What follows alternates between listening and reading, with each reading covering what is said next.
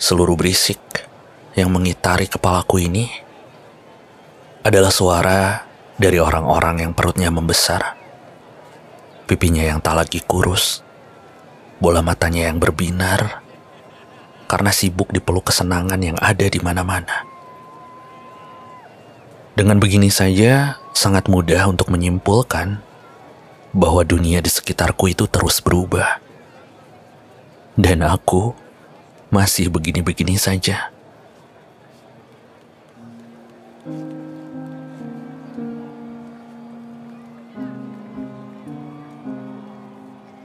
Kenapa bisa? Kenapa semuanya masih terasa sama saja? Padahal porsi makanku tidaklah banyak. Kadar cairan dalam tubuhku juga sedikit. Bisa dibilang ada di bawah rata-rata manusia pada umumnya. Tapi kenapa? Kenapa badan ini masih terasa begitu berat luar biasa? Mengemban peran sebagai warga negara yang dibayar dengan upah sebesar 2,5 juta rupiah di setiap bulannya membuatku berpikir, apa semua ini layak? Apa semua cucuran keringatku yang sudah terlanjur jatuh ini sepadan?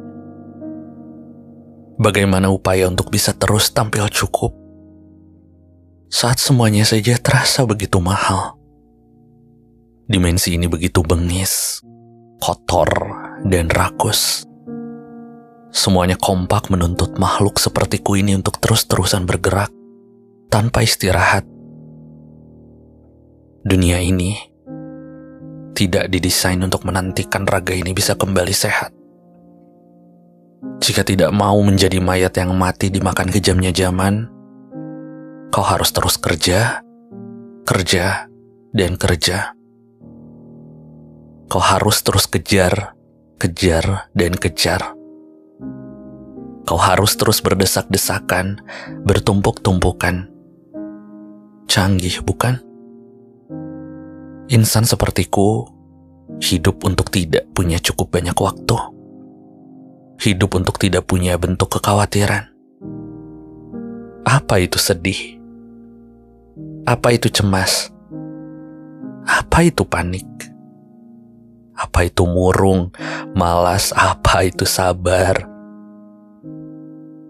Parah kabungku sama sekali tidak meneteskan darah.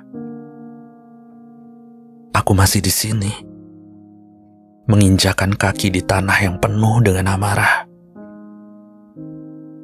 menyambung nafas di siklus tanpa arah, yang tidak diperkenankan untuk menyerah, apalagi kalah.